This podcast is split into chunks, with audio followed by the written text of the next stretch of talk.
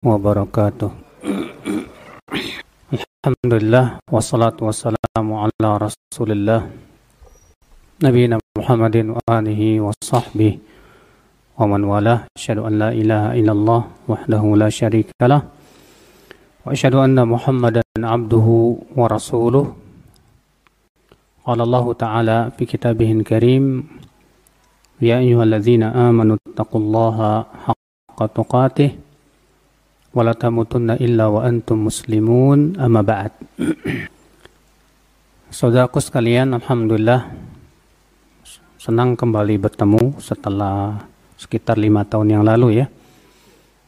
Saya bisa di sini memberikan sedikit tausiah dan kembali sekarang kembali bisa memberikan tausiah insya Allah kepada antum semuanya. Amin ya rabbal alamin. Allah semoga Allah memberikan kemudahan. Sebetulnya saya nggak niat kemari loh mas. Karena saya ke sini cuma mau ini aja. Mau jalan-jalan. Buat keluarga gitu. Tapi sama Mas Wid diminta misi saat sini katanya masih ingat nggak yang kulo nuwun sisian male? nah, ini sekarang ada pesan juga dari Pak Imam ini. Saya suruh baca ini nih. Matur nuwun sangat awit saking pandungonipun poro jamaah. Dungo gangsal tahun kepengker insya Allah sampun badai kesempatan. Apa itu artinya? Apa artinya Pak? Iya, yang penting sudah saya bacakan pesan beliau. Tapi saudaraku sekalian, azani Allah wa yakum. Insyaallah pada pagi hari ini kita akan membahas tentang orang-orang yang disayangi oleh Allah Subhanahu wa taala. Tentunya saudaraku sekalian, rahmat Allah adalah merupakan perkara yang sangat kita butuhkan dalam hidup kita. Karena kalau kita tidak diberikan oleh Allah rahmatnya, kita akan tersesat. Allah tidak kalau Allah tidak rahmati kita, maka hidup-hidup kita akan lebih banyak berbuat maksiatnya dan mengikuti setan. Allah berfirman, "Walaula fadlullahi 'alaikum wa rahmatuhu syaitana illa qalila. Kalau bukan karena karunia Allah dan rahmatnya lah, kalian akan mengikuti setan, kecuali sedikit saja. Jadi, ya, kalau kita tidak diberikan oleh Allah rahmat kepada kita, kita akan jadi pengikut setan. Tapi dengan rahmat Allah yang Allah berikan kepada kita, kita bisa menjadi pengikut para nabi dan rasul. saudaraku seiman. Namun untuk mendapatkan rahmat Allah Subhanahu wa taala ini tentunya membutuhkan kepada usaha. Jangan sampai kita menjadi orang-orang yang tidak peduli apakah kita akan mendapatkan rahmat Allah atau tidak akibat karena kita selalu mengikuti hawa nafsu saudaraku. Lalu apa saja amalan yang bisa menyebabkan mendatangkan rahmat Allah Subhanahu wa taala. Di sana ada beberapa amal yang mendatangkan rahmat Allah Subhanahu wa taala kepada kita. Apa saja yang pertama? Yaitu senantiasa kita mempelajari Al-Qur'an, mendengarkan Al-Qur'an, mentadaburi Al-Qur'an, memperhatikan Al-Quran. Ketika dibacakan ayat-ayat Allah kepada kita, kita berusaha untuk mencernanya, memahaminya. Sehingga saudaraku sekalian, siapa pun yang mempelajari Al-Quran, Allah rahmati dia. Dalilnya mana? Firman surat Al-A'raf. Firman Allah subhanahu wa ta'ala dalam surat Al-A'raf. Allah berfirman, وإذا قرئ القرآن فاستمعوا له وأنصتوا لعلكم ترحمون apabila dibacakan Al-Quran. Surat Al-Araf ayat 204 kalau nggak salah ya. Coba untuk merujuk lagi. Apabila dibacakan Al-Quran, maka dengarkan dan diam agar kalian dirahmati oleh Allah Subhanahu wa taala. Ini adab. Kalau kita mendengarkan orang baca Al-Qur'an, kalau kita mendengarkan murattal misalnya, adabnya apa, Pak? Dengarkan, diam, perhatikan, pahami. Jangan kita ngobrol. Terkadang ketika dibacakan ayat-ayat Al-Qur'an atau kita setel ya murattal, kita malah ngobrol sama teman kita, Pak. Atau kita sibuk dengan hal-hal yang lain. Makanya kalau kita nyetel murotal itu, Pak, ya kita berarti harus siap untuk mendengar dan di dan diam supaya dapat rahmat Allah Subhanahu wa taala, ya. Kata Syekh Abdurrahman As-Sa'di, berarti orang yang tidak mendengar dan diam saat dibacakan Al-Qur'an, dia tidak mendapatkan rahmat. Dia tidak mendapatkan apa? rahmat Allah Subhanahu wa taala. Jadi gimana dong Ustaz? Saya pengen ngobrol sama teman saya. Sementara ini ada murotal, kecilin murotalnya, Pak. Atau matiin. Ya. Supaya apa? Supaya kita dalam rangka menghormati firman-firman Allah Subhanahu wa taala. Maka Allah Subhanahu wa taala mengatakan wa idza quri'al Qur'an Fastami'u lahu wa ansitu la'allakum turhamun. Apabila dibacakan ayat-ayat Al-Quran, maka dengarkan dan diamlah agar kamu apa? dirahmati oleh Allah Subhanahu wa taala. Masya Allah. Karena Al-Qur'an, ya akhi, kehidupan untuk hati kita. Al-Qur'an ya akhi, penyembuh apa yang ada di dalam hati. Al-Quran ya akhi adalah merupakan hidayah dan menjadi rahmat untuk setiap orang yang beriman kepadanya. Allah berfirman dalam surat Yunus ayat 57. Ya ayuhan nas, qad ja'atkum maw'idhatum min rabbikum wa shifaa'un lima fis sudur wa hudaw wa rahmatul lil mu'minin. Hai manusia, telah datang kepada kalian mau'idhah peringatan dari Rabb kalian Wa shifa'un lima fis sudur. Dan syifa, apa syifa itu? Obat terhadap penyakit apa yang ada dalam hati. Wa hudan wa rahmah dan sebagai hidayah dan rahmat untuk siapa? Lil mu'minin. Untuk orang yang beriman. Adapun orang yang enggak beriman kepada Al-Quran, maka Al-Quran bukan obat. Pak. Orang yang nggak beriman kepada Al-Quran, Al-Quran tidak menjadi rahmat dan hidayah. Makanya Allah mengatakan dalam surat yang lain, dalam surat Al-Baqarah apa? Dzalikal kitabu la raiba fi hudan lil lil lil muttaqin. Itulah Alkitab yang tidak ada keraguan padanya sebagai hidayah untuk orang siapa? Orang yang bertakwa. Berarti hanya orang yang bertakwa saja yang menjadikan Al-Quran sebagai hidayah. Adapun orang yang tidak bertakwa, dia berpaling dari Al-Quran. Bahkan dia tidak suka mendengarkan Al-Quran. Apalagi orang yang di dalam hatinya terdapat ya penyakit kemunafikan, saudara. Allah menyebutkan tentang orang munafik dalam surat At-Taubah itu di ayat-ayat yang terakhir.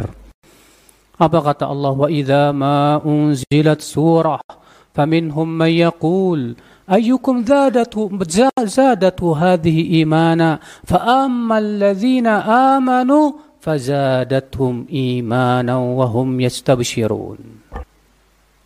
Apa kata Allah? Apabila dibacakan Al-Qur'an, Allah Subhanahu wa taala apabila diturunkan surat dari Al-Qur'an di antara mereka orang munafik, ada yang berkata, "Siapa di antara kalian yang bertambah keimanannya dengan diturunkannya Al-Qur'an ini?" Lihat orang munafik. Ketika diturunkan surat Al-Qur'an, dia berkata apa? Siapa sih yang be, apa bertambah keimanannya dengan diturunkannya surat Al-Qur'an ini? Apa kata Allah? Fa ammal ladzina amanu fazadatuhum imanan wa hum yastabshirun. Adapun orang yang beriman maka dengan diturunkannya surat Al-Qur'an bertambahlah keimanan mereka. Dan mereka gembira, makanya orang beriman tuh Pak ketika mendengar Al-Qur'an tuh gembira. Pak. Orang yang beriman itu Pak, ketika mendengarkan Al-Quran tuh hatinya Masya imannya bertambah Masya Allah. Lalu Allah menyebutkan setelahnya Pak, wa ammal fi qulubihim marad. Adapun orang-orang yang ada di hatinya penyakit. Apa kata Allah? Fazadathum rijsan ila rijsihim bertambahlah penyakit di, di samping penyakit yang ada. Kok ada ya orang yang dibacakan Al-Quran malah tambah penyakit hatinya, Pak? Siapa mereka? Orang munafik lah, Pak. Orang munafik itu bertambah penyakitnya ketika mendengarkan Al Al-Quran. Jadi tidak jadi rahmat Al-Quran itu buat dia, saudara. Nah ini saudaraku seiman, azani Allah wa yakum. ya. Ini yang pertama. Yang bisa mendatangkan rahmat Allah kepada kita sehingga kita termasuk orang-orang yang disayangi oleh Allah Subhanahu wa taala. Apa itu tadi yang pertama? Iya. Kita berusaha untuk senantiasa memperhatikan Al-Qur'an. Berapa berapa ayat dalam sehari kita baca dari Al-Qur'an, Pak? Kamu berapa ayat dalam sehari baca Al-Quran? Hah? Enggak tentu. Masya Allah. Terkadang baca Quran, terkadang enggak begitu. Ya, Rasulullah SAW menganjurkan kita untuk setiap hari baca Quran. Bahkan Rasulullah mengatakan apa? Man qara'a fi laylah mi'at ayah. Siapa yang membaca dalam satu malam seratus ayat, ya, kutiba lahu ka'annaha qama lailah kullaha. Dituliskan untuknya seakan-akan ia sholat semalam suntuk. Bayangkan. Satu malam seratus ayat. Lama nggak baca satu seratus ayat itu? Tidak. Seratus ayat tuh paling nggak sampai lima belas menit. Tiga puluh menit, Pak. Surat An-Naba berapa ayat? Ditambah surat An-Nazi'at berapa ayat? Surat An-Naba dan An-Nazi'at kalau ditambah udah lebih dari 100 ayat loh Pak. Iya kan? kalau 100 ayatnya Al-Baqarah ya Pak, betul. Kalau 100 ayatnya Al-Baqarah bisa setengah jam. Iya. Kalau kita baca secara tartil. Bayangkan ya, keutamaan besar Masya Allah. Bapak sholat tahajud dalam sholat malam Bapak, Bapak baca Al-Quran. 100 ayat satu malam itu pahalanya sama dengan sholat semalam suntuk. Allahu Akbar. Makanya jangan lupa kita hari-hari kita jangan kosong dari baca Al-Quran. Dan kalau bisa baca Qurannya jangan diketahui siapa pun, Mbak. Kenapa? Karena amal itu semakin tersembunyi, semakin besar pahalanya di sisi Allah. Imam Ahmad bin Hambal setiap seminggu beliau khatam Quran. Istrinya tidak tahu. Sampai-sampai istrinya aja tidak tahu. Masya Allah. Saking Imam Ahmad menyembunyikan amalan solehnya. Makanya salafus soleh, mereka orang-orang yang sangat semangat menyembunyikan amal solehnya seperti semangatnya menyembunyikan kesalahan dan aib mereka sendiri. Salafus soleh seperti itu, nggak kayak kita. Baca Quran, update status. Apalagi kalau suara kita indah nih, oh masya Allah. Jadi imam disiarin deh. Ya akhi, kita katakan, saya tidak menuduh kamu ria. Cuma masalahnya siapa yang bisa jamin loh kamu bisa ikhlas loh. Sementara ikhlas itu kata para ulama berat loh. Sufyan Atsauri aja berkata, "Ma'alatu syai'an asyadda minan niyah." Tidak ada yang paling berat bagi saya dari meluruskan niat. Ini imam besar loh, Pak. Apalagi kita. Nah, ini saudaraku sekalian, ini yang pertama yang hendaknya kita perhatikan. Iya. Kemudian yang kedua, yaitu berbuat ihsan dalam segala sesuatu. Allah berfirman, "Inna rahmatallahi qaribum minal muhsinin." Sesungguhnya rahmat Allah dekat. Dekat kepada siapa?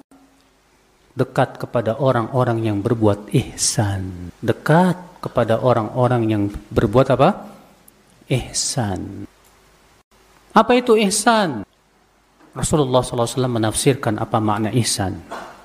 Dalam hadis Umar bin Khattab yang panjang, saudaraku. Kata Rasulullah, al-ihsan an ta'budallah ka'annaka tarah, fa lam takun tarah, fa innahu yarak. Ihsan itu kamu beribadah kepada Allah seakan-akan kamu melihat Allah. Dan kalau kamu tidak melihatnya, maka sesungguhnya Allah yang melihat kamu. Kata Al-Hafidh Ibn Rajab ketika mensyarah hadis ini, di sini Rasulullah menyebutkan dua derajat ihsan. Derajat yang pertama yaitu beribadah kepada Allah seakan-akan melihat Allah. Maksudnya gimana, Mas? Seakan-akan melihat Allah. Perhatikan di sini Rasulullah mengatakan seakan-akan melihat Allah. Kenapa? Karena seorang hamba tidak mungkin bisa melihat Allah dengan mata kepalanya di dunia ini tidak mungkin. Siapa yang mengatakan bahwa dia bisa melihat Allah di dunia ini sungguh ia telah berdusta kata Aisyah radhiyallahu anha. Rasulullah saja ditanya oleh Aisyah, "Har ra'aita rabbak?" Apakah engkau melihat Rabbmu? Apa kata Rasulullah? Nurun anna arah. Ada cahaya bagaimana aku bisa melihat Allah. Makanya pendapat yang sahih dari pendapat para ulama bahwa siapa pun di, eh, Rasulullah tidak bahwasanya Rasulullah tidak pernah melihat Allah dengan mata kepalanya. Memang ini ada khilaf di kalangan para sahabat. Namun pendapat yang sahih ini pendapat jumhur para sahabat, Rasulullah belum pernah melihat Allah dengan mata kepalanya. Kamu beribadah kepada Allah seakan-akan kamu melihat Allah. Maksudnya gimana, Mas? Saya berikan contoh kepada antum saya akan ceritakan kepada kamu fisik Rasulullah seakan-akan kamu melihatnya. Apa yang apa yang kamu pahami dari ucapan tersebut? Artinya saking jelasnya, saking detailnya. Demikian pula seorang hamba saking berilmu tentang Allah, semakin ia berilmu tentang Allah, maka ia seakan-akan menyaksikan Allah Subhanahu wa taala. Dia menyaksikan sifatnya, dia menyaksikan perbuatannya, seakan-akan ia menyaksikan Allah Azza wa Jalla. Derajat yang kedua apa? Fa illam takun tara fa innahu yarak. Jika kamu tidak melihatnya maka sesungguhnya dia yang melihat kamu. Maksudnya apa? Artinya selalu diawasi oleh Allah di mana saja kita berada kita sendirian, kita merasa diawasi oleh Allah. Kita di depan orang, apalagi kita merasa diawasi oleh Allah. Jangan sampai, Pak, pengawasan manusia lebih besar di hati kita daripada pengawasan Allah, Pak. Jangan sampai, Pak, CCTV lebih kita takuti dari pengawasan Allah, Pak. Kita terkadang kalau berada di ruangan yang ada CCTV-nya, antum kalau berada di ruangan, tapi CCTV banyak nih memperhatikan antum. Kira-kira antum apa yang antum lakukan saat itu? Hah? Hati-hati kan? Hati-hati. Tapi ketika tidak ada CCTV, gak ada CCTV, ada CCTV nggak ya? Oh, dilihatin tidak ada aman. Buka deh film porno, La ilaha illallah. Terus di mana pengawasan Allah? CCTV lebih kamu takuti daripada pengawasan Allah Azza wa Jal. Wallahi, orang ini belum sampai kepada derajat ihsan. Seorang mukmin lebih takut dengan pengawasan Allah daripada pengawasan manusia. Makanya salaf terdahulu mewanti-wanti ya apa kata mereka? La takun musyahadatullahi alaika ahwan indak. Jangan sampai pengawasan Allah itu lebih rendah di mata kamu daripada pengawasan manusia. Jangan sampai, Mas. Makanya kalau kalau ada orang lebih takut diawasi manusia daripada diawasi Allah, jangan salahkan nanti di hari kiamat Allah batalkan amalan-amalannya. Sebagaimana Imam Abu Daud meriwayatkan bahwa Rasulullah SAW mengabarkan nanti di hari kiamat akan datang seorang laki-laki yang membawa pahala besar-besar pak amsal jibal tuhama sebesar-besar gunung Tihamah kata Rasulullah SAW. Apa yang terjadi? Allah pun jadikan ia habaan mansura. Hancur lebur. Para sahabat bertanya kepada Rasulullah, siapa ya Rasulullah? Siapa orang ini? Dia sudah datang membawa pahala-pahala besar sebesar-besar gunung. Ternyata Allah hancur leburkan. Siapa ya Rasulullah? Apa kata Rasulullah SAW? Ulaika qaumun ya'khuduna minal layli kama ta'khudun walakinnahum idza khalau bi maharimillah intahakuha mereka suatu kaum yang mengambil malam seperti kalian ambil tapi mereka kalau sendirian dengan ke keharaman Allah mereka berani untuk melanggarnya pas, pas lagi sendiri nih nggak ada yang lihat berani dia berbuat maksiat kepada Allah tapi kalau ada orang takut dia Seakan pengawasan Allah rendah di mata dia. Orang seperti ini, Pak, dileburkan dosanya oleh Allah. Apa pahalanya oleh Allah? Masya Allah. Mari, makanya seorang mukmin itu lebih takut kepada Allah daripada kepada CCTV. Kalaupun tidak ada CCTV, tetap tidak berbuat maksiat. Kalaupun tidak ada orang yang mengawasi dia, tetap dia takut sama Allah. Nah, ini orang yang masya Allah, Pak. Ehsan. Ini orang yang dekat dengan rahmat Allah. Dekat dengan rahmat Allah. Ada seorang pemuda datang kepada seseorang ulama di zaman dulu. Tentang bahwa dirinya ini kok sulit sekali meninggalkan maksiat. Tolonglah kasih aku ya nasihat, wasiat.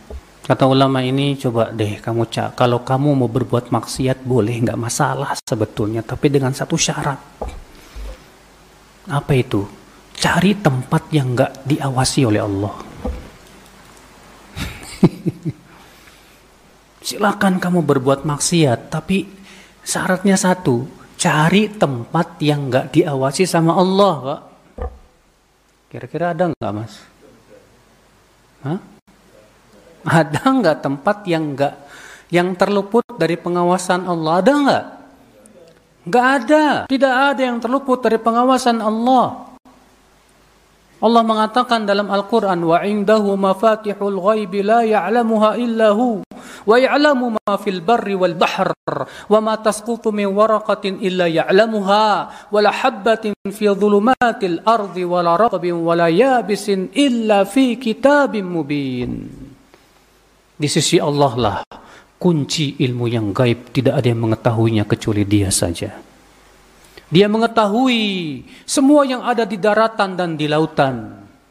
Bahkan tidak ada daun yang jatuh kecuali Allah mengetahuinya. Tidak pula bebijian dalam kegelapan malam. Tidak pula ada yang kering dan basah kecuali semua sudah tercatat dalam kitab yang nyata. Tidak ada yang terluput dari pengawasan Allah. Maka ya akhi, kalau kita sudah sampai kepada derajat itu, Pak, saat kita sendirian kita tetap takut sama Allah dan kita menganggap pengawasan Allah lebih agung, lebih besar daripada pengawasan makhluk, maka di situlah antum dekat dengan rahmat Allah. Karena Allah mengatakan demikian, Inna rahmatallahi qaribum minal muhsinin. Sesungguhnya rahmat Allah itu dekat dengan orang-orang yang berbuat ihsan. Jadi pertanyaan kita Pak, sudahkah kita sampai kepada derajat itu Pak? Sulit. Kenapa? Karena rasa tuk, rasa takut kita ini masih lemah gitu. Iya. Taib itu yang keberapa? Yang kedua.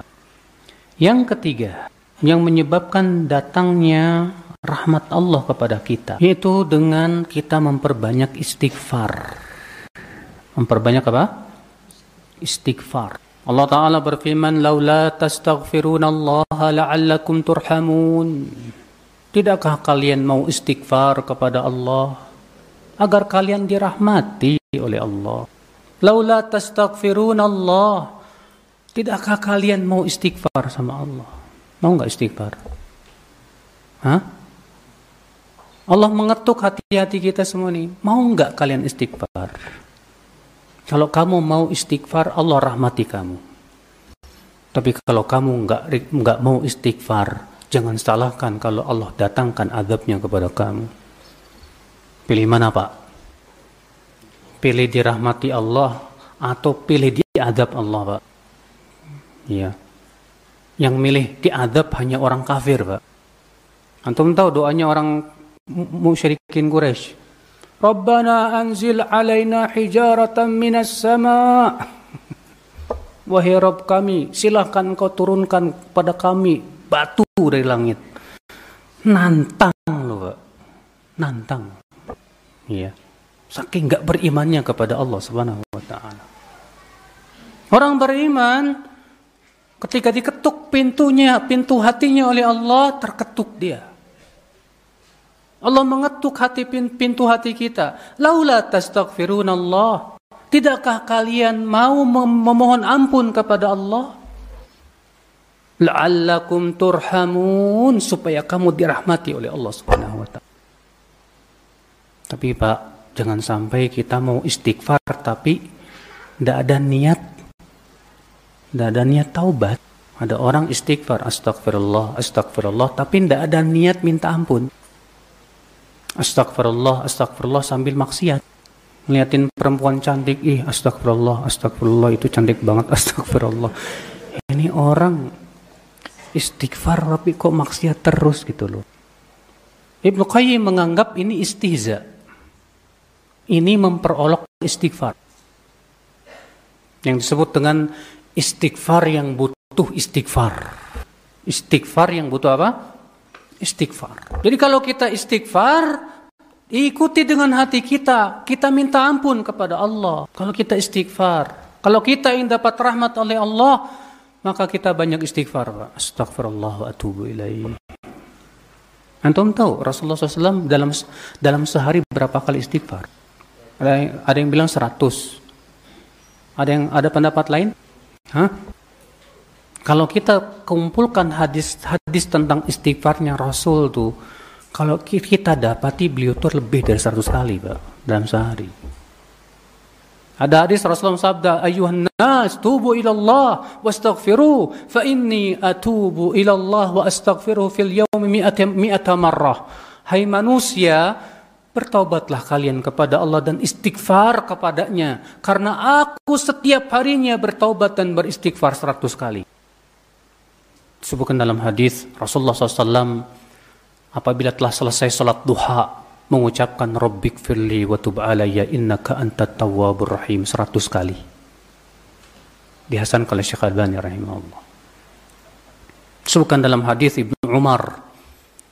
Ibnu Umar berkata, aku menghitung dalam majelisnya Rasulullah, dalam satu majelisnya Rasulullah, beliau mengucapkan Rabbik firli wa tub alayya innaka antat tawwabur rahim seratus kali. Berarti kalau kita perhatikan istighfarnya Rasulullah banyak banget mas. Padahal Rasulullah SAW sudah dijamin masuk surga nggak ya?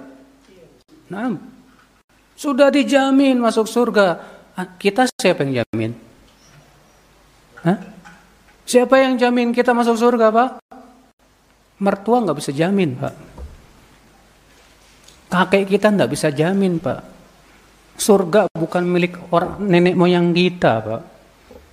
Kita yang nggak punya jaminan, seharusnya lebih banyak lagi istighfar, saudara. Dan subhanallah ya akal Islam ya, orang yang banyak istighfar itu diberikan oleh Allah keuntungan di dunia dan akhirat loh mas. Apa keuntungannya di dunia loh pak?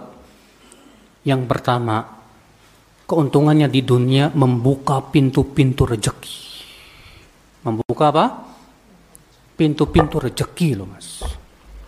Makanya Nabi Nuh berkata kepada kaumnya, ya istaghfiru Rabbakum innahu kana ghaffara. Hai kaumku Mohon ampunlah kalian. Istighfar kalian kepada Rabb kalian. Sesungguhnya Rabb kalian itu maha pengampun. Yursilis sama'a alaikum midrara. Nisaya Rabb kalian akan mengirimkan air hujan yang lebat. Wa yumdidukum bi amwali wa banin. Dan Allah akan berikan kepada kalian harta dan anak-anak wa yaj'al lakum jannati wa yaj'al lakum anhara dan Allah akan berikan kepada kalian kebun-kebun dan sungai-sungai yang mengalir. Subhanallah. Jadi banyak istighfar membuka pintu apa? Rezeki loh mas.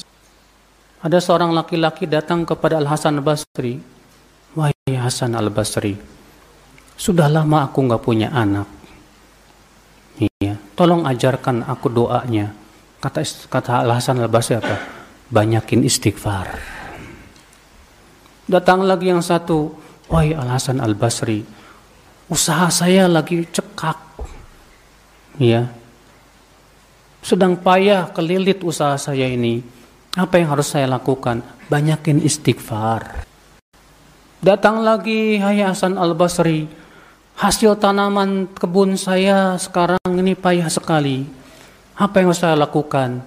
Banyakin istighfar. Lalu ditanya kepada Al-Hasan Al-Basri, Wahai Hasan, engkau ditanya dengan pertanyaan yang berbeda-beda, kok jawabannya satu? Suruh banyak istighfar.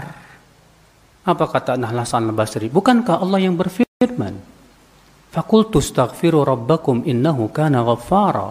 Yursilis sama'a alaikum midrara ويمددكم بأموال وبنين ويجعل لكم جنات ويجعل لكم أنهارا Istighfar kalian kepada Rabb kalian. Sesungguhnya dia maha pengampun. Niscaya dia akan menurunkan air hujan kepada kalian dengan lebat. Niscaya dia akan memberikan kepada kalian harta dan anak-anak. Niscaya dia akan menjadikan kalian kebun-kebun dan sungai-sungai yang mengalir. Masya Allah. Ini keuntungan di dunia yang pertama, Pak. Keuntungan di dunia yang kedua apa, Pak? Bahwa suatu kaum yang senantiasa istighfar, dia akan dilindungi dari adab Allah Azza wa Jalla. Suatu kaum yang senantiasa istighfar, dia tidak mendapatkan adab Allah Subhanahu wa taala. Dalilnya mana? Surat Al-Anfal. Allah mengatakan, وما كان الله معذبهم وهم يستغفرون Allah tidak akan mengadab mereka selama mereka masih istighfar. Allah tidak akan mengadab mereka selama mereka masih apa? Masih apa, Pak? Istighfar. Berarti kalau suatu kaum sudah tidak istighfar lagi, itu artinya mereka sudah menghalalkan azab Allah atas mereka. Makanya kalau di desa sini di, di desa ini misalnya nih Pak, orang-orangnya banyak istighfar, minta ampun kepada Allah. Dijamin. Allah yang menjamin Pak. Tidak akan terkena azab Allah Subhanahu wa taala.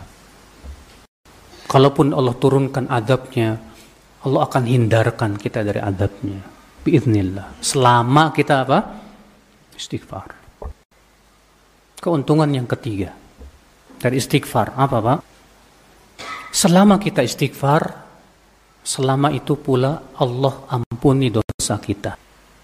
Selama kita istighfar, selama itu pula Allah maafkan kita. Dalilnya mana hadis?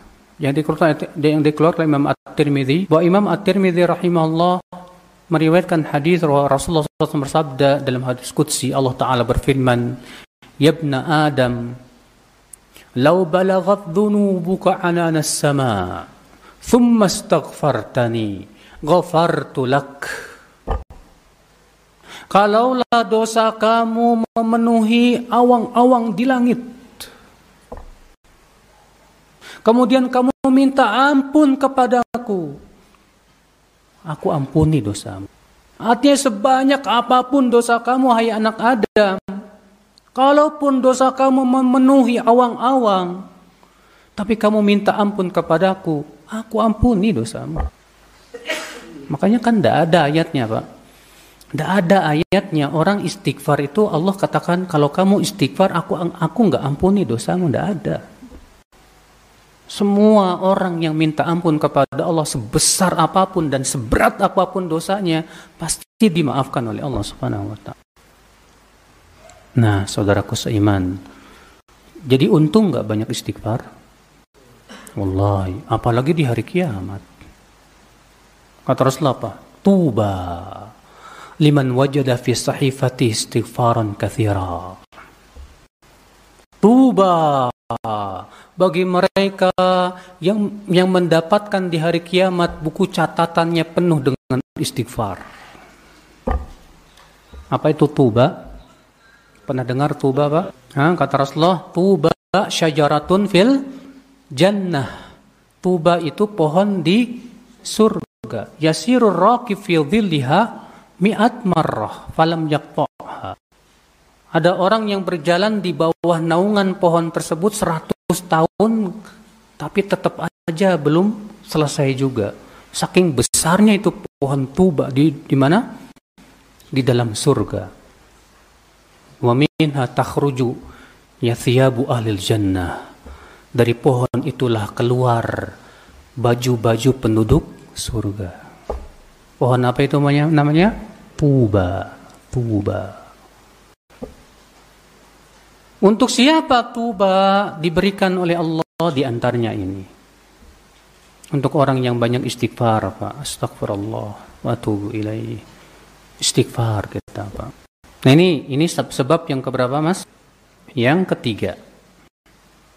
Yang menyebabkan kita mendapatkan rahmat dan kasih sayang Allah. Sebab yang ke Empat. Yaitu menaati Allah dan Rasulnya.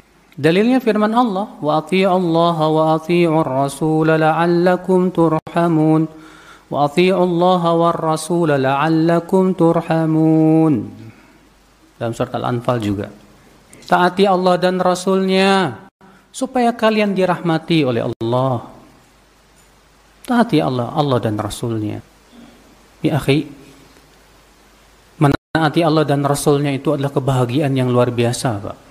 Bagi orang-orang yang beriman kepada kehidupan akhirat, Pak. Karena Allah dan Rasulnya tidak mungkin memerintahkan kepada perkara yang merugikan hidup kita, Pak. Ada enggak? Saya mau tanya sama antum semua. Ada tidak perintah Allah yang yang merugikan hidup kita? Ada? Tolong sebutkan. Hah? Ada nggak perintah Allah yang merugikan hidup kita? Ada? Ada dong. Ada nggak?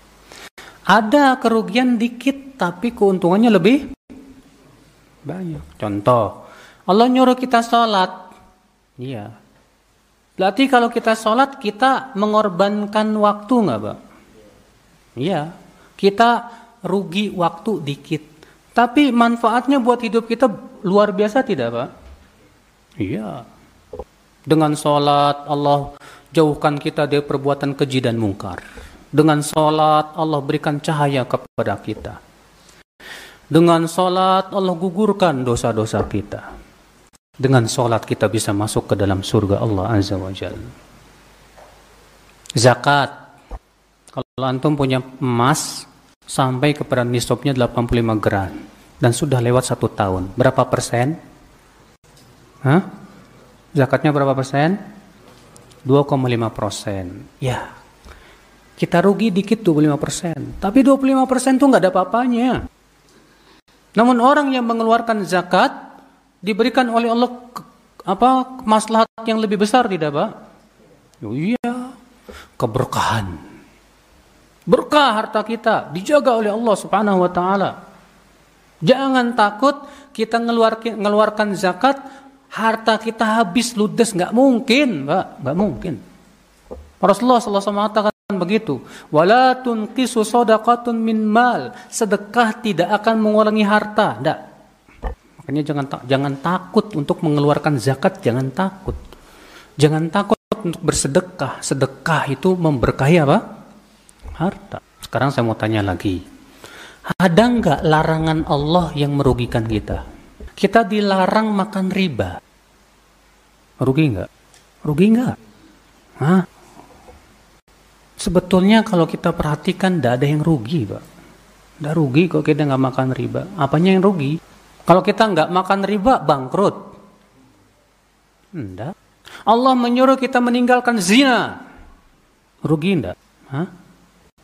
Apa yang rugi? Enggak rugi. Yang halal ada kok.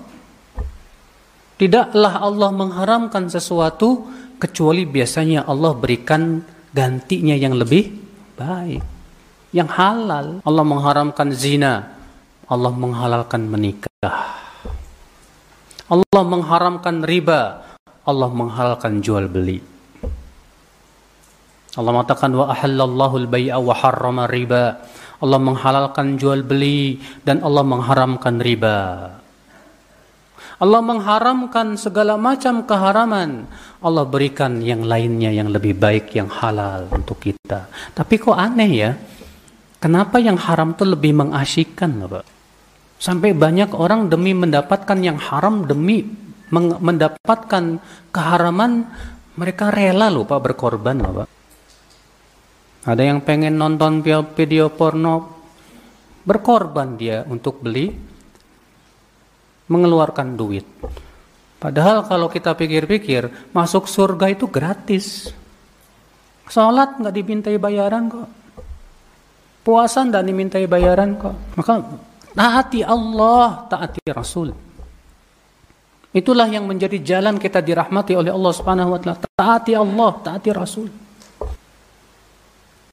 Begitu mendengar hadis dari Rasulullah SAW, ucapkan apa? Sami'na wa Jangan kayak orang Yahudi. Orang Yahudi mengatakan apa? Sami'na wa asayna. Kami mendengar tapi kami maksiat. Tidak mau dengar. Tidak mau taat. Jangan seperti itu mas. Saya mau tanya. Siap nggak kita menaati Allah dan Rasulnya? Siap? Benar. Siap ya siap. Tapi terkadang kita masih mikir-mikir loh mas. Untuk menaati Allah dan Rasulnya. Terkadang kalau itu menguntungkan kita, ya siap. Tapi kalau tidak menguntungkan kita, ya di sini banyak yang nggak siap, pak. Ya. Saya mendengar ada seorang berkata begini, Pak. Wah, sekarang kalau usaha kita benar-benar harus bersih dari yang haram, susah kita usaha katanya. Kalau pengen kaya di zaman sekarang itu ya harus ngelanggarlah dikit-dikit yang haram. Saya heran, Pak, ajib. Sampai ngomong seperti itu gitu loh, Pak. Ada lagi yang berkata begini. Ya, ini agama kok berat banget sih, dikit-dikit haram, dikit-dikit haram gitu loh. Pacaran haram, musik haram, riba haram, ini haram, itu haram. Apa sih, ngapain sih? Kita katakan, ya akhi, coba kamu gunakan akal pikiran kamu. Jangan kamu gunakan syahwat kamu untuk berpikir kamu itu. Siapa pun yang berpikir dengan syahwatnya, dia akan memandang agama kita berat. Perintah Allah berat, larangan Allah berat. Tapi siapa pun yang berpikir dengan akalnya, dia akan memandang perintah Allah itu mudah. Larangan Allah pun mudah dan itu untung untuk hidup kita. Saudara seiman, azani Allah ya. Makanya kan Islam itu untuk orang yang berakal enggak, Pak? Ya. Adapun orang yang gila tidak bisa menerima Islam. Adapun orang yang tidak berakal tidak bisa memikirkan dan menerima Islam, tidak bisa. Maka jadilah kita hamba-hamba Allah yang memikirkan tentang semua perintah dan larangan Allah. Kenapa sih Allah perintahkan saya sholat? Coba antum merenungkan. Kenapa saya katakan demikian, Pak? Supaya kita bisa menaati Allah dan Rasulnya. Setiap ada perintah Allah, kita cermati baik-baik. Kenapa Allah menyuruh saya sholat? Kenapa Allah menyuruh saya zakat? Apa keistimewaan dan kelebihan sholat, zakat, dan yang lainnya?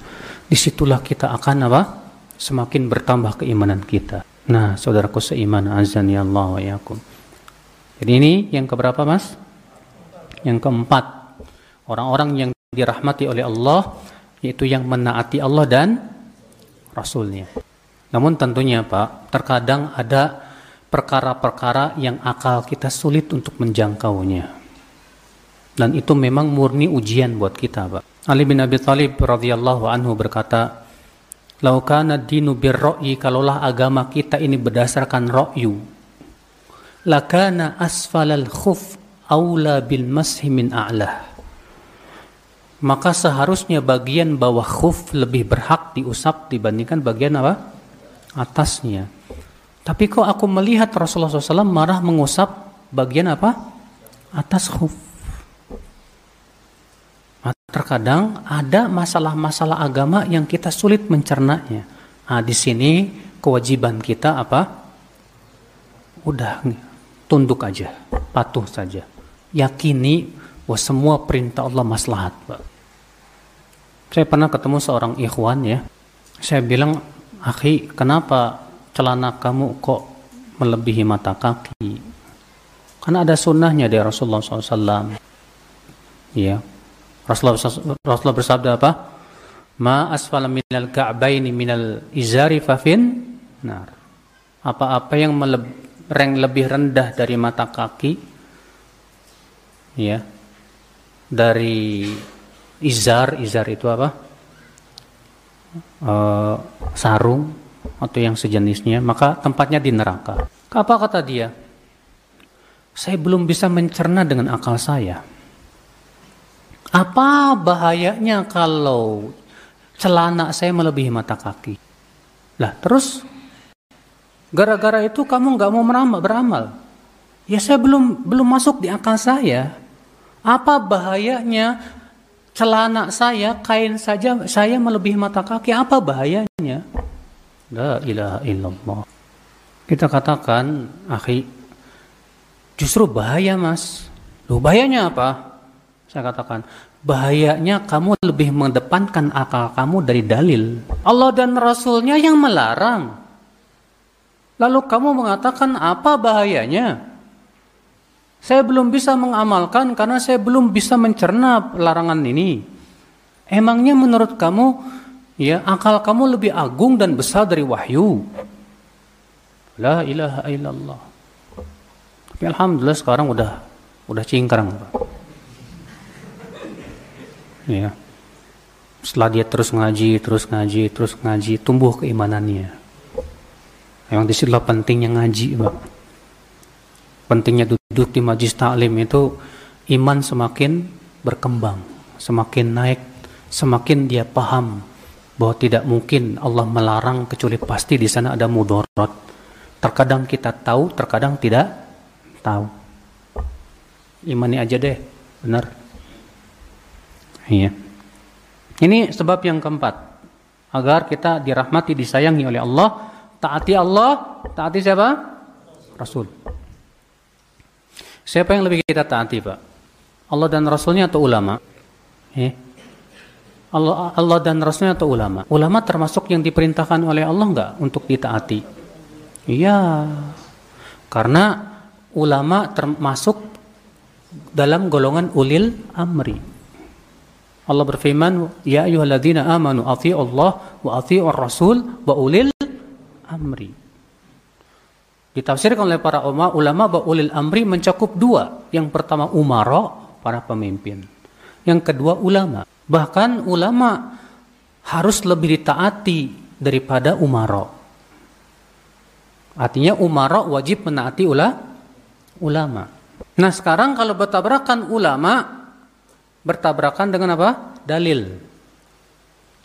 Mana yang kita dahulukan? Tentu dalil. Kalau antum mendahulukan ulama, berarti antum sudah mengambil tandingan selain Allah. Allah mengatakan dalam surat Al dalam Al-Qur'an, "Ittakhadhu ahbarahum wa rubanahum arbaban min dunillahi wal masih ibn Maryam."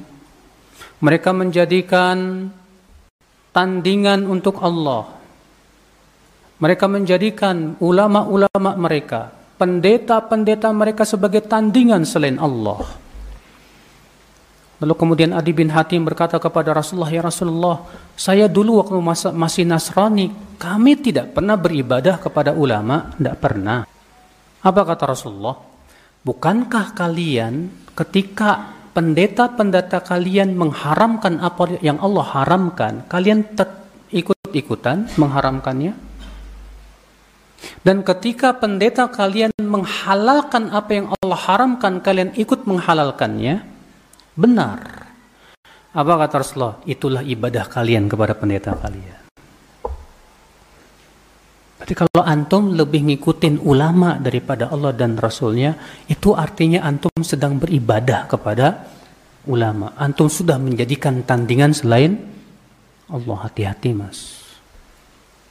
Ini kalau bertabrakan antara dalil dengan pendapat ulama. Adapun ulamanya itu sendiri mungkin niat dia tidak menentang Allah dan Rasulnya, enggak. Tapi bisa jadi belum sampai kepada beliau apa? Dalil tersebut bisa jadi. Maka kita berikan uzur kepada ulama tersebut. Karena orang yang sudah berijtihad kemudian salah, dia dapat berapa? Satu pahala. Tapi kalau sudah jelas kepada kita dalil dari Allah dan Rasulnya yang bertabrakan dengan pendapat ulama itu, kewajiban kita dahulukan Allah dan Rasulnya.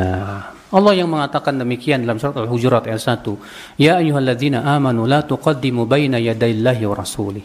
Hai orang-orang yang beriman, jangan dahului Allah dan Rasulnya. Tapi ingat juga loh, ketika antum memahami dalil dari Al-Quran dan hadis juga, tetap jangan lepas dari bimbingan ulama lagi. Kalau seluruh ulama sepakat, terus antum menyelisih ijma ulama, yang salah antum atau ulama?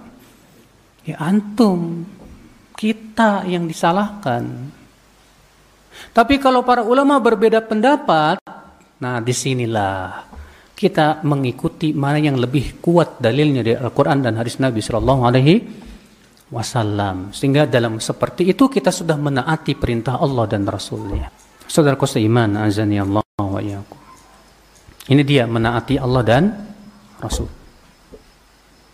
Usahakan Pak, dalam setiap perkara sekecil apa pun, kita harus sesuai dengan Allah dan Rasulnya Pak. Dalam cara nyisir, kalau bisa kita sesuai dengan perintah Allah dan Rasulnya. Dalam cara makan, pakaian, cara melihat ya kita ngikutin Allah dan Rasulnya. Sampai kata seorang ulama ini atau Allah tuharrik yadaka illa bis sunnah faf'al. Kalau kamu mampu kamu tidak menggerakkan tanganmu kecuali berdasarkan sunnah lakukan. Masya Allah. Subhanallah. Nah di sini saudaraku ya, orang yang disayangi oleh Allah yang keempat adalah yaitu menaati Allah dan Rasul yang kelima, siapa orang yang dirahmati oleh Allah Subhanahu wa taala? Yaitu orang yang memberikan kemudahan kepada orang lain. Orang yang memberikan kemudahan kepada orang lain. Dalam jual beli, dia memberikan kemudahan. Dalam menagih hutang, dia memberi kemudahan. Rasulullah bersabda apa? Dalam hadis yang sahih? Rahimallahu 'abdan samhan idza ba'a samhan idza ishtara samhan idza qtada semoga Allah merahmati seorang hamba yang mudah ketika menjual mudah ketika membeli mudah ketika dia menagih hutang. Mudah ketika menjual maksudnya gimana gak ngambil keuntungan sampai berpuluh-puluh kali lipat pak enggak enggak menyusahkan orang ketika menjual karena kan sebagian orang ya pengen yang dia pikirkan gimana saya dapat keuntungan apa? Besar. Ya. Kecuali kalau memang uruf uruf atau kebiasaan di masyarakat di situ memang harganya suka segitu, Pak. Iya. Tapi jangan sampai akal Islam menyusahkan orang ketika kita menjual. Dan jangan sampai menyusahkan orang ketika kita membeli. Kata Rasulullah, semoga Allah merahmati orang yang mudah ketika membeli. Gimana mudah dalam membeli? Hah? Gak nawar sampai nyekik. Ada orang nawar sampai nyekik loh mas. Sampai apa penjualnya itu usap-usap dada mas ya Allah udah nawar maksa lagi. Udahlah mas. Gini lah mas. Ayo mas. Nggak boleh gitu. Salafus soleh di antara mereka bahkan ada yang nggak mau nawar. Saking mengamalkan hadis ini pak. Kalau beli nggak mau nawar. Saking mengamalkannya hadis ini. Kalau kita pak kebalik.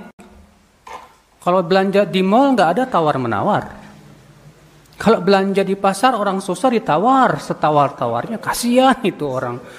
Sudah dari gunung jalan pak bawa itu ditawar pula dicekik pula sama antum. La ilaha illallah. Mas antum masuk ke mall ndak ada tawar. Pernah ndak belanja di mall di mall antum tawar?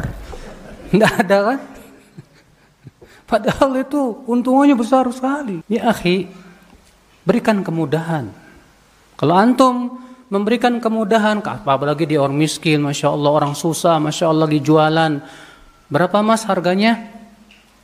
10 ribu pak, terlalu murah pak, 20 ribu. Masya Allah. Ya. Sambil antum bantu dia. Berikan kemudahan mas. Semoga Allah merahmati orang yang mudah dalam menagih hutang. Masya Allah. Antum tagih, akhi, antum lupa ya. Kenapa? hari ini jadwal antum nagih utang loh. Apa bayar hutang loh. Aduh ampun maaf akhi. Usaha saya lagi pacak klik akhi. Bener demi Allah. Iya usaha dagang saya gitu susah sekarang ini. Jadi saya belum bisa bayar akhi. Oh gitu ya nggak apa-apa lah. Ya saya tangguhkan tiga bulan lagi nggak masalah atau saya tangguhkan sampai dagang kamu bagus lagi. Masya Allah itu Pak luar biasa itu Pak. Ya, sebutkan dalam hadis bahwa orang yang menghutangkan saudaranya sesama muslim pahalanya sama dengan setengah sedekah. Hatta yahillul ajal sampai datang waktu pembayaran. Ketika datang waktu pembayaran kemudian dia undurkan, maka setiap harinya dapat sekali sedekah.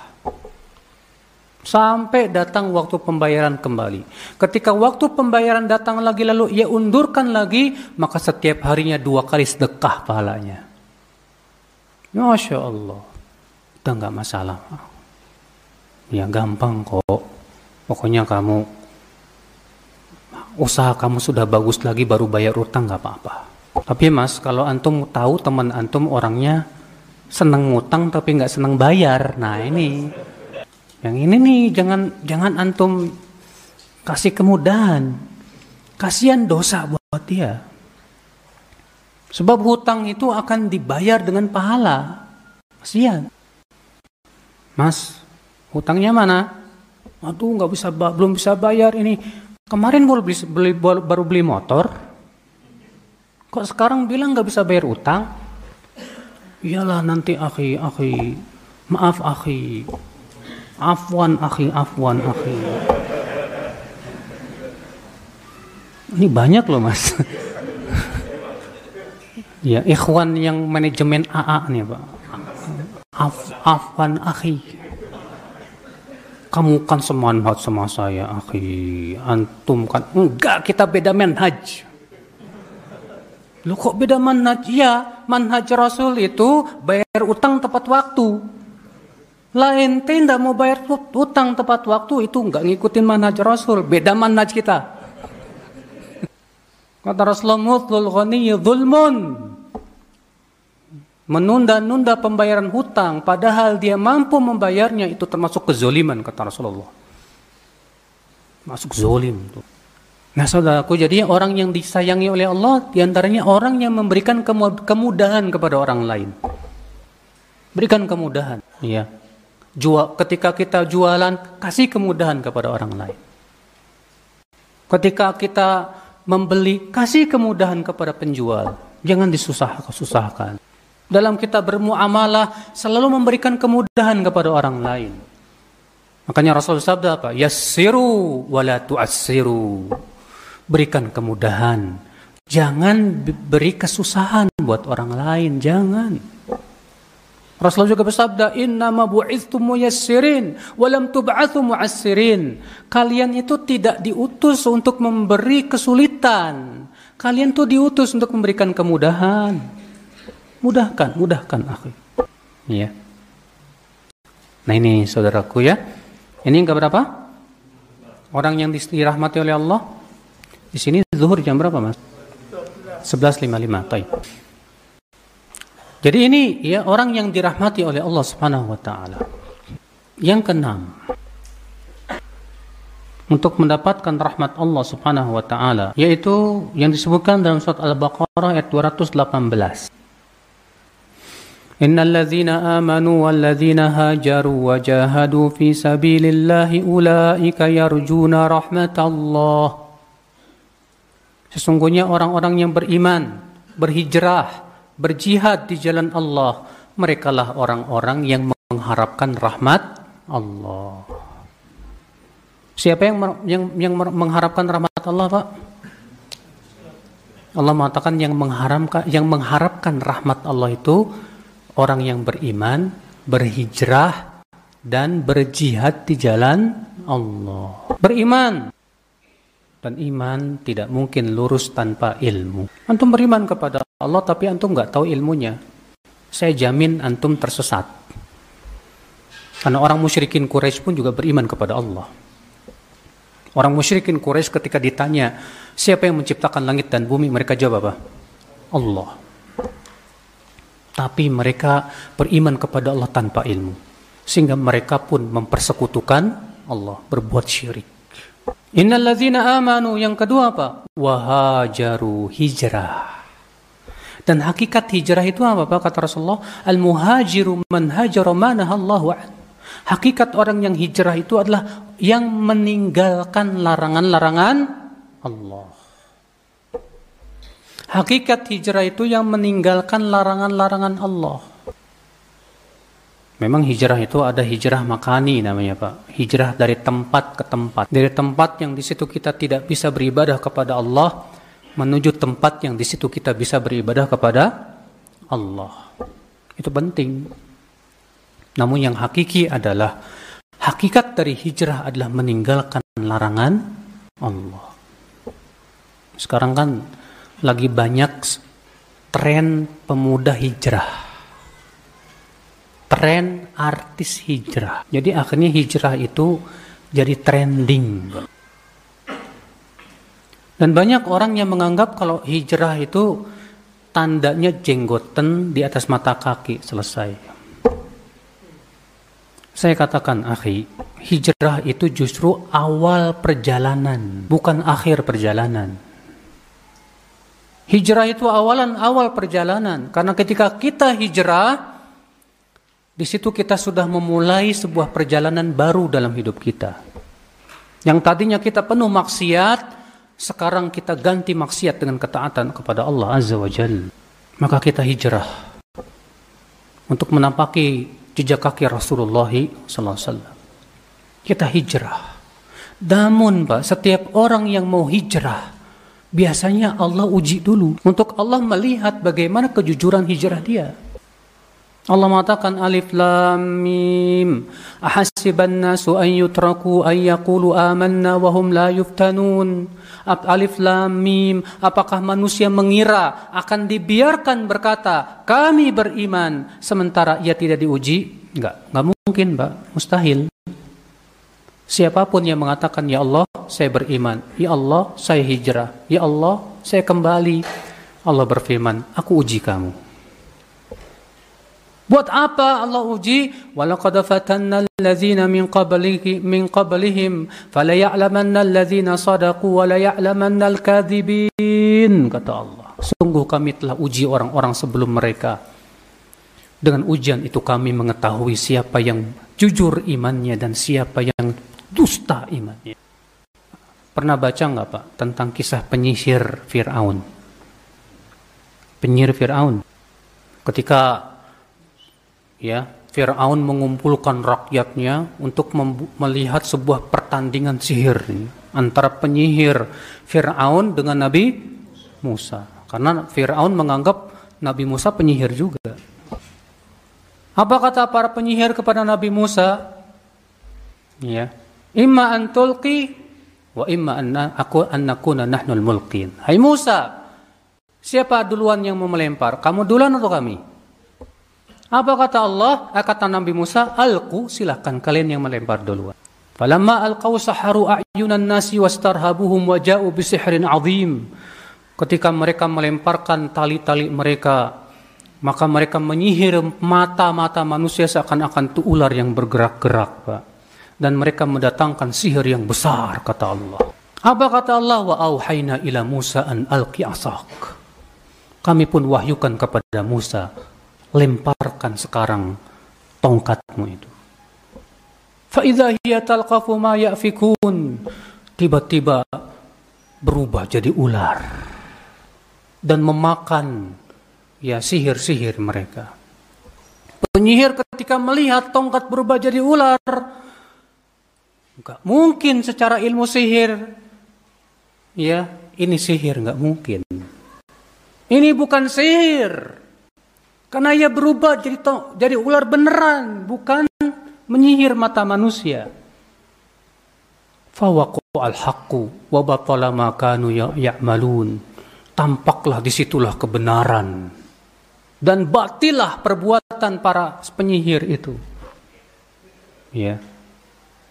Ketika melihat kebenaran itu, Penyihir pun sujudlah kepada Allah dan mengatakan amanna bi Rabbi Musa wa Harun. Kami beriman kepada Robnya Musa dan Harun. Kami hijrah, kami hijrah. Kami akan tinggalkan sihir. Beriman tuh Pak para penyihir itu Pak. Tapi apa yang terjadi ketika mereka menyatakan keimanannya, mereka dihadapkan ujian berat sekali. Marah Fir'aun kepada para penyihir itu. Maka Pak Fir'aun mengumumkan la uqatti'anna aydiyakum wa arjulakum min khilaf. Thumma la usallibannakum ajma'in. Aku akan potong tangan dan kaki kalian secara bersilang dan aku akan salib kalian. Tapi subhanallah, rupanya penyihir ini jujur imannya, Pak. Ketika menghadapi apa ancaman Firaun begitu sangat berat, kaki tangan mereka mau diputuskan, mau disalib. Mereka berkata, "Rabbana afrigh alaina sabra." Ya Rabb, kokohkan kesabaran kami ya Rabb. Watawaffana muslimin, wafatkan aku dalam keadaan Islam. Wafatkan kami dalam keadaan Islam ya Rabb. Masya Allah.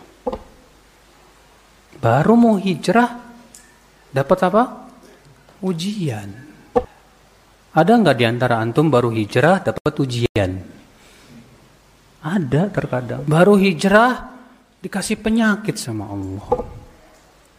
Penyakitnya berat lagi kanker. Baru hijrah dikasih ujian, usahanya kolab. Baru hijrah dikasih ujian, Masya Allah. Memang demikian, Pak. Walaupun ada juga ikhwan yang ketika dia hijrah, alhamdulillah masih diberikan oleh Allah kenikmatan. Iya. Nah ini saudaraku sekalian, beriman dan berhijrah. Maka setiap kita harus hijrah, Pak. Dan hijrah itu jangan sebagian-sebagian lah, Mas. Hijrah itu harus kafah total. Total kita hijrah kepada Allah Subhanahu wa taala. Kemudian apa? Wajahadu fi sabilillah, berjihad di jalan Allah. Ya. Dan jihad kata Ibnu Qayyim ada empat tingkatan. Imam Ibnu Qayyim menyebutkan bahwa jihad ada berapa tingkat, Mas? Empat. Yang pertama jihadun nafs. Berjihad melawan diri sendiri. Caranya gimana?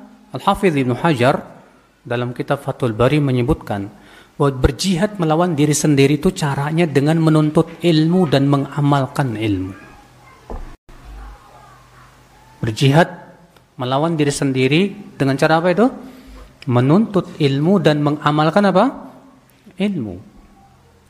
Jadi antum datang ke majlis ta'lim termasuk jihad nggak mas? Siapa yang mengatakan di antara antum bahwa menuntut ilmu tidak termasuk jihad? Acung. Kalau ada, saya bawakan perkataan Abu Darda seorang sahabat.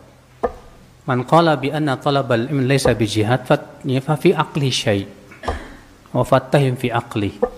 Siapa yang mengatakan bahwa menuntut ilmu bukan jihad, maka tuduhlah akalnya, jangan-jangan ada sesuatunya itu. Menuntut ilmu jihad, Mas. Bahkan jihad dengan ilmu harus lebih didahulukan daripada jihad dengan pedang dan panah. Jihad dengan ilmu lebih didahulukan daripada jihad dengan senjata, Mas. Iya tidak? Nah, pertama-tama kali Rasulullah berdakwah berjihad dengan jihad apa? Ilmu. Ketika Rasulullah berdakwah di Mekah, Allah turunkan firman-Nya apa? Fala tuti'il kafirin wajahidhum bihi jihadan kabira. Jangan kamu taati orang kafir itu dan jihadi mereka dengan, dengan Al-Quran dengan jihad yang besar. Allah mengatakan berjihad dengan Al-Quran termasuk jihad yang besar. Berarti jihad dengan ilmu itu termasuk jihad yang besar. Menuntut ilmu, jihad yang besar. Menyampaikan ilmu, jihad yang besar. Bahkan Syekh Albani mengatakan jihad yang paling besar di zaman sekarang adalah menuntut ilmu dan mengamalkan ilmu serta menyebarkan ilmu. Jihad yang besar. Ini tingkatan yang pertama. Yang kedua, jihad melawan setan. Jihad melawan apa? Setan. Jihad melawan setan, bagaimana caranya? Kata Al-Hafidh Ibnu Hajar, itu bita'allumi turuki syaitan wa khutuwatihi. Itu dengan mempelajari langkah-langkah setan untuk menggoda manusia. Pelajari langkah-langkah setan apa aja. Banyak mas. Baca oleh antum kitab Ighathatul Lahafan min Masaidi Syaitan. Itu disebutkan oleh Ibnu Qayyim rahimahullah langkah-langkah setan ya tebel tapi bukunya pak nggak tahu saya sudah terjemahkan apa belum tuh hadi, buku itu ada yang tahu nggak buku itu sudah terjemahan apa belum? Udah ya? Alhamdulillah. Judulnya Ighathatul Lahafan min Masaidi Syaitan. Penting tuh baca buku itu. Buku lain apa? Talbis Iblis. Yang ditulis oleh Imam Ibnu Jauzi. Juga menyebutkan tentang talbis iblis. Talbis iblis kepada para kori, talbis iblis kepada para ulama, talbis ulama iblis terhadap orang sufi, talbis iblis terhadap orang awam dan yang lainnya. Itu antum baca deh buku itu. Dan sudah terjemahkan alhamdulillah. Ya. Dengan baca itu insya Allah kita akan selamat, Mas. Ya dari langkah-langkah apa? Setan. Tingkatan yang ketiga jihadul fusak itu berjihad terhadap orang fasik. Siapa orang fasik? Orang fasik itu dua. Yang pertama, pelaku dosa besar. Seperti berzina, seperti minum arak. Yang kedua, pelaku bid'ah yang suka berbuat bid bid'ah. Bagaimana caranya? Itu dengan cara mendakwahi mereka agar mereka meninggalkan kefasikannya itu. Dakwahi. Antum punya teman suka berzina, dakwahi gimana caranya supaya dia meninggalkan berzinahan. Antum punya teman suka minum minum arak, mabuk-mabukan, dakwahi, Pak. Gimana caranya dia supaya meninggalkan arak? Dakwahi. Jangan sibuk ya, yang disebut dengan jihad talabi, jihad ekspansi, maka ini syaratnya harus ada daulah Islam dan khalifatul muslimin. Makanya kata Syekh Abbad, Syekh Abdul Musin Abbad, hafizahullah, wa jihad yang kedua ini di zaman ini belum ada. Karena belum terpenuhi syarat. Ya. Di zaman ini adanya jihad difa'i. Jihad membela apa? Diri. Baik ini Pak, ya. Ini sifat yang di apa namanya? dirahmati oleh Allah dalam surat Al-Baqarah tadi beriman, berhijrah dan apa? berjihad. Dan berjihad ini hakikatnya juga adalah melawan hawa nafsu, termasuk jihad, Pak. Melawan hawa nafsu itu termasuk jihad. Iya. Menjihadi hawa nafsu kita. Baik. Baik, saya kira cukup ya. Setengah dua belas kita buka tanya jawab. Silakan Bapak, ada yang mau bertanya? Baik, jazakallah khair pada Al-Ustaz atas materi yang telah diberikan pada siang hari ini. Baik kita masuk ke sesi tanya jawab Ustadz. Sudah ada banyak sekali pertanyaan. Yang pertama kami bacakan Ustadz. Assalamualaikum warahmatullahi wabarakatuh Ustadz. Izin bertanya. Semoga Allah merahmati dan menjaga Ustadz. Apakah disyaratkan suci ketika zikir dan apakah dibolehkan istighfar sambil bekerja? Jazakallahu khairan atas jawaban Ustaz. Fadal. Disarankan sekali suci ketika berzikir. Ini berdasarkan hadis yang hasan bahwa Rasulullah SAW bersabda, Inni karihtu an adhkurallah ala ghairi tuhrin. Aku tidak suka, kata Rasulullah, Aku tidak suka untuk berzikir kepada Allah dalam keadaan tidak suci. Bahkan Pak, dalam hadis yang sahih, ya, ketika Rasulullah SAW ada yang mengucap, mengucapkan salam. Rasul sedang berjalan, kemudian dia mengucapkan salam, Assalamualaikum. Apa yang terjadi Pak? Rasulullah langsung menuju sebuah dinding. Beliau tayamum, setelah itu beliau mengucapkan Waalaikumsalam warahmatullah. Dan hadisnya disahihkan oleh Syekh Al-Bani rahimahullah. Dari hadis Al-Muhajir bin Kunfud. Lihat, bayangkan Pak. Menjawab salam, menjawab salam. Dianjurkan kita untuk apa? Di atas kesucian. Kalau nggak ada air nih, tayamum dulu. Masya Allah. Betapa sunnah ini sudah hilang di zaman sekarang, Pak. Kalau kita kan kalau ada yang salam, Assalamualaikum, langsung jawab nggak, Pak? Waalaikumsalam warahmatullahi wabarakatuh. Nggak mikir dulu saya suci apa enggak ya, gitu ya. Padahal sunnahnya kalau ada yang ucapin salam, Assalamualaikum, langsung mikir, ya saya kan tadi, Afwan akhi, saya mau tayamum dulu misalnya. Soalnya mau cari air jauh nggak ada di sini. Tayamum dulu. Terus setelah itu apa? Waalaikumsalam warahmatullahi wabarakatuh. Itu sunnah Rasul. Dan sunnah Rasul ini hilang zaman sekarang. Ya. Tapi itu tidak wajib. Itu tidak apa? Tidak wajib. Kalau kita istighfar sambil kerja gimana? Dilihat. Kira-kira gara-gara istighfar kerjaan kamu beres nggak? Gara kamu gara-gara kamu istighfar kerjaan kamu nggak beres. Jangan. Karena mengerjakan pekerjaan, melaksanakan amanah, wajib. Sementara istighfar hukumnya apa? Sunnah. Jangan sampai mendulukan yang sunnah, melalaikan yang apa? Yang wajib nggak bagus, mas. Nggak bagus. Nah, ini ya. Jadi kita lihat, antum istighfar sambil bekerja kira-kira ganggu nggak kerjaan kamu? Bahaya. Ya Baik, eh, pertanyaan berikutnya Ustaz. Izin bertanya jika dibacakan ayat Al-Quran atau mendengar murotal sering bersedih mengingat ayah saya rahimahullah Apakah ini bentuk dari meratapi mayat? Mohon nasihat Ustaz Jazakallah khair. Jika apa? Mendengar ayat Al-Quran atau murotal, dia bersedih menangis ingat ayatnya ayahnya rahimahullah. Jika mendengar Al-Quran ingat ayahnya, kok bukan ingat Allah ya? Hmm. Aneh. Harusnya bukan ingat ayahnya mas. Ketika mendengar Al-Quran tuh ingat Allah, ingat mati. Adapun mengingat mendiang ayahnya, lalu nangis gara-gara itu, nggak berpahala. Nangisnya dia saat itu tidak berpahala. Karena Allah tidak pernah memerintahkan kita untuk bersedih. Tidak pula menangisi orang yang sudah meninggal dunia.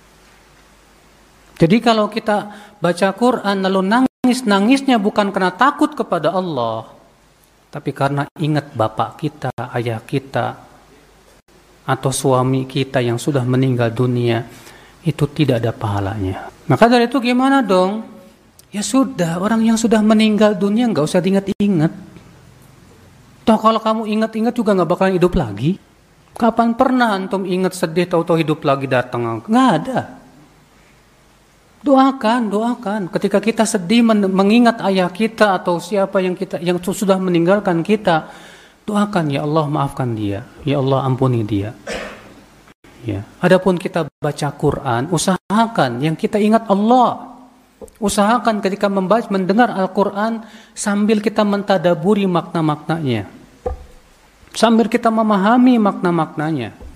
Usahakan demikian. Ya.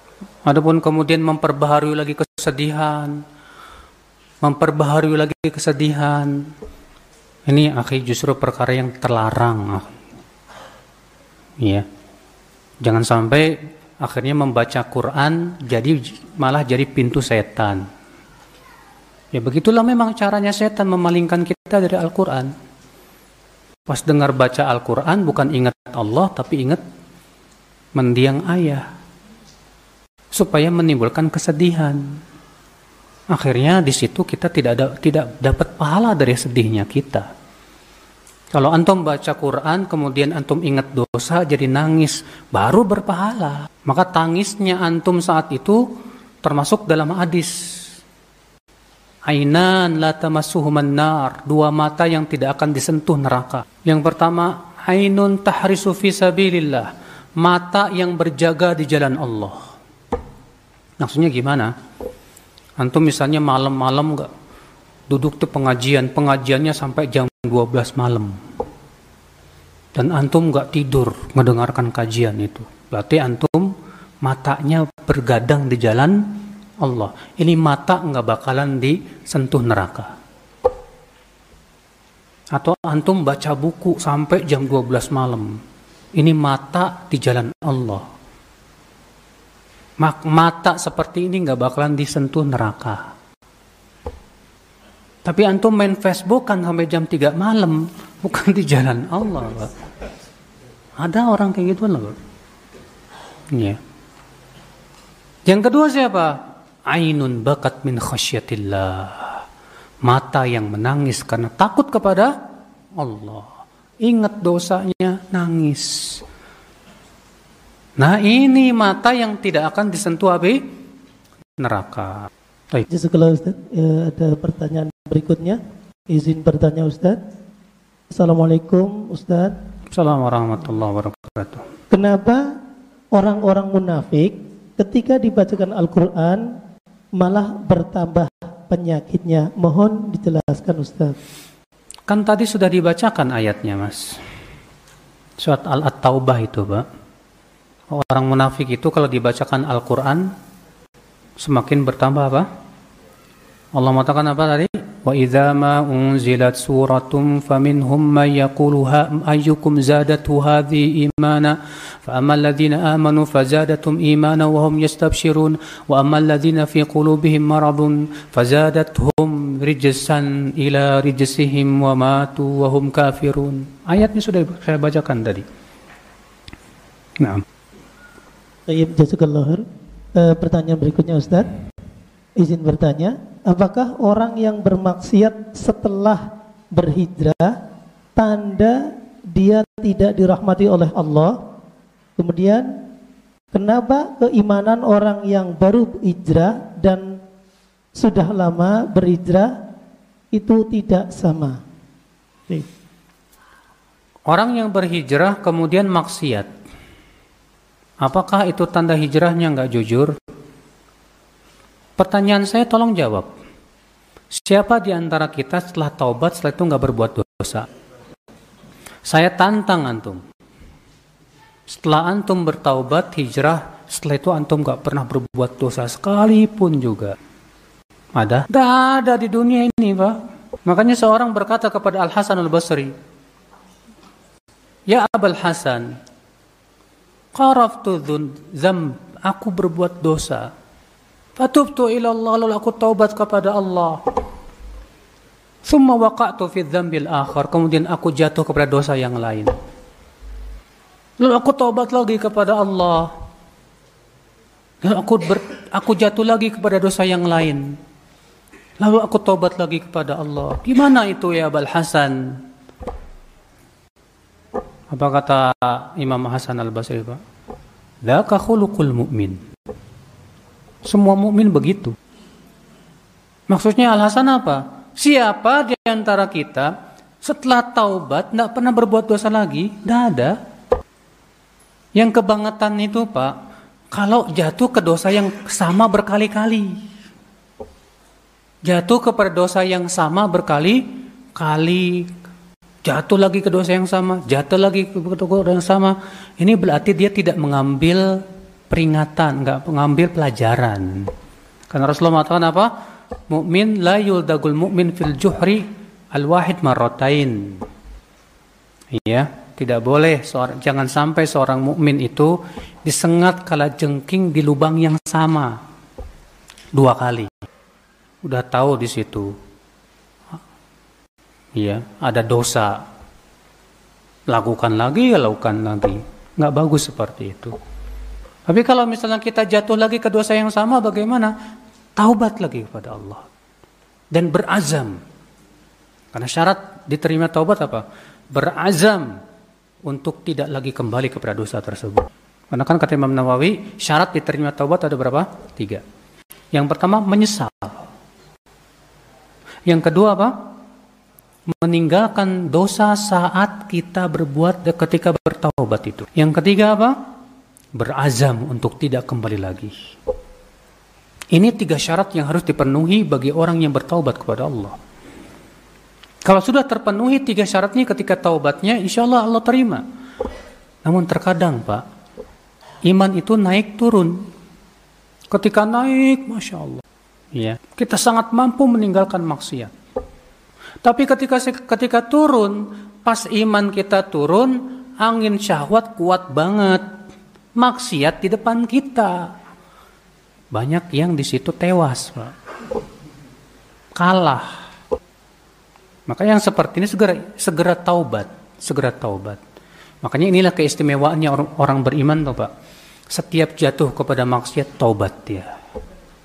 Allah berfirman wa idza fa'alu fahishatan aw zalamu anfusahum dzakarullah fastaghfaru lidzunubihim apabila mereka melakukan perbuatan fahisyah atau dosa segera mereka ingat kepada Allah. Lalu mereka mohon ampun kepada Allah. Kata Ibnu Katsir ketika menafsirkan ayat ini apa? Artinya setiap kali ia jatuh kepada dosa segera ia taubat dan minta ampun kepada Allah ketika ia jatuh lagi ke dosa, segera ia taubat dan minta ampun kepada Allah. Nah, begitu Pak. Jadi intinya Pak, tidak ada orang in, nggak ada siapa pun di dunia setelah hijrah tidak pernah berbuat maksiat lagi. Tidak mungkin, susah. Makanya para sahabat ketika Allah turunkan firman-Nya apa? Wa lam yalbisu imanahum bidzulmin ulaika lahumul amnu wa hum muhtadun. Itu orang-orang yang beriman dan tidak mencampuri keimanan mereka dengan kezoliman. Mereka mendapatkan keamanan dan dapat hidayah. Apa yang terjadi Pak? Berat banget ini ayat. Datang para sahabat ke Rasulullah dan berkata, Wahai Rasulullah, berat banget ini ayat, Hai Rasulullah. Apa itu? Allah mengatakan orang-orang yang beriman dan tidak mencampuri iman mereka dengan kezoliman. Bagi mereka keamanan dan hidayah. Kalau untuk mendapatkan keamanan dan hidayah, syaratnya tidak pernah berbuat zolim. Berat sekali ya Rasulullah. Maka Rasulullah mengatakan, kezoliman yang dimaksud di sini bukan zolim yang kalian pahami, kata Rasulullah. Tapi zolim yang dimaksud di sini syirik. Zalim yang dimaksud ini apa? Lihat para sahabat. Siapa yang lebih kuat imannya, kita atau para sahabat? Para sahabat. Ternyata ketika Allah turunkan ayat ini, mereka merasa berat, berat. Siapa yang tidak pernah menzolimi dirinya sedikit pun juga nggak ada. Nah ini Pak, jadi kalau kita sudah bertobat, berhijrah, bukan syarat diterimanya hijrah kita setelah itu kita nggak pernah berbuat maksiat lagi. Sebab kalau syaratnya itu berat Pak, Orang yang nggak pernah berbuat maksiat lagi, mungkin sudah jadi berubah jadi malaikat kali Pak. Tidak ada masalahnya. Sulit. Naam. Baik, jazakallah khairan atas nasihatnya Ustaz. Baik, Ustaz kita masuk pertanyaan berikutnya. Izin bertanya Ustaz. Assalamualaikum warahmatullahi wabarakatuh. Assalamualaikum warahmatullahi wabarakatuh. Apakah termasuk orang yang mempersulit dalam membayar hutang jika ia belum membayar hutang tapi mengutamakan membeli sepeda motor dan keterangan sepeda motor itu sangat dibutuhkan Ustaz. Dia beli mot beli motor karena memang sangat dibutuhkan untuk bayar hutang. Karena dengan motor itu dia usaha, mau usaha. Jadi dia bilang ke yang menghutangnya, "Mas, maaf ya, Mas ya. Saya ini beli motor ini bukan bukan mau senang-senang loh mas. Tapi buat maisha saya. Soalnya usaha saya sudah nggak ada lagi. Jadi saya beli motor buat ngegrab atau apa namanya gojek atau yang lainnya yang insya Allah penghasilannya buat bayar utang kamu. Ya nggak masalah kalau seperti itu. Kalau memang tujuannya untuk bayar hutang lagi dan tidak tidak ada cara untuk membayar hutang kecuali dengan mot beli motor supaya ada usaha dari situ. Buat jual sayur buat jualan sayur mas. Saya jualan sayur kalau apa kalau saya gotong-gotong begini capek banget tapi kalau pakai motor kan saya bisa ke mana-mana ya nanti hasilnya kan buat buat bayar hutang juga seperti itu nggak masalah keadaannya darurat gimana lagi mas. Tapi ini motornya dua, itu satu lagi ada motor. Itu buat istri saya mas, jual, jual, nggak darurat-darurat amat kok. Iya, iya. Baik, jazakallah. Ini pertanyaan terakhir Ustadz. Mohon izin bertanya Ustadz. Eh, jika seorang laki-laki pernah berbuat zina dengan seorang perempuan. Kemudian laki-laki dan perempuan tersebut bertaubat. Manakah yang terbaik? Satu. Ini ada dua pilihan Sama-sama bertaubat dan segera menikah. Ya, laki-laki dan perempuan itu. Itu yang kedua, sama-sama bertaubat dan mencari pasangan lain yang ya, calon lain gitu bukan dengan orang tersebut. Iya. Pendapat jumhur ulama mengatakan boleh keduanya menikah dengan syarat pertama taubat dan alhamdulillah sudah terpenuhi tadi. Yang kedua istibro yaitu bersih rahimnya dari anak hasil zina itu. Habis zina ya ternyata setelah zina tak lama kemudian ia taubat. Kemudian ya wanitanya haid, berarti bersih dari ya, berarti nggak hamil dia. Ya udah terpenuhi dua syarat tersebut. Akhirnya keduanya menikah, boleh, nggak masalah, sah. Ini atas pendapat jumhur ulama, wallahu a'lam. Nah. Yang lebih baik mana? Ya udah menikah aja. Kalau memang berzina itu, menikah aja dengan wanita yang dia zinai itu ya untuk menghilangkan ar dan aib juga. Ya. Saya tutup dengan kalimat bahasa Jawa juga ini. Cekap semanten atur kulo, mbok bilih wonten kiranging subosito. Tindak tanduk tuin toto kerami, kulo nyuwun ag agunging samudro pangaksomo. Ah, anak jadi wayang ini mas. Untung nggak ada trok tok tok tok tok gitu. nggak tahu saya artinya apa. ya beliau selalu ya kalau saya ke sini Ustadz ini bacakan dulu pakai bahasa Jawa soalnya di sini orang Jawa semua ya wis tidak apa-apa kalau itu memang yang membuat antum senang anda bacain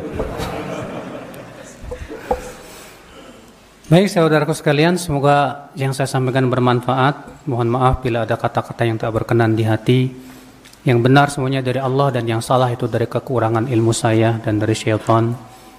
Dan mohon dibuka pintu maaf selebar-lebarnya. Bila ada kesalahan, wabillahi taufik. Assalamualaikum warahmatullahi wabarakatuh. Itu pilihan.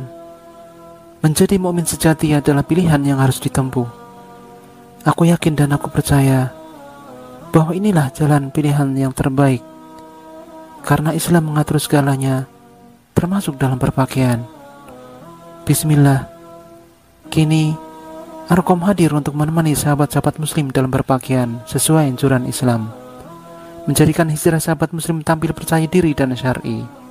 Arkom Muslim Choice. Bahasa Arab adalah bahasa Al-Quran Al-Karim. Karenanya, mempelajari dan menguasainya menjadi sangat penting. ولقد ضربنا للناس في هذا القرآن من كل مثل لعلهم يتذكرون قرآنا عربيا غير ذي عوج لعلهم يتقون Allah berfirman, Sesungguhnya telah kami buatkan bagi manusia dalam Al-Quran ini setiap macam perumpamaan, supaya mereka dapat pelajaran. Ialah Al-Quran dalam bahasa Arab yang tidak ada kebengkokan di dalamnya, supaya mereka bertakwa. Ayo mulai belajar dari sekarang, belajar bahasa Arab untuk pemula di Mahat Bahasa Arab Mulia Rabani. Buku atau kitab rujukan Durusulullah Al-Arabiyah di sana juga menjadi bahasa yang termasuk bahasa yang paling lama digunakan dari sejak awalnya sampai sekarang. Untuk informasi, hubungi 0813 1038 0181. Ingin profit naik?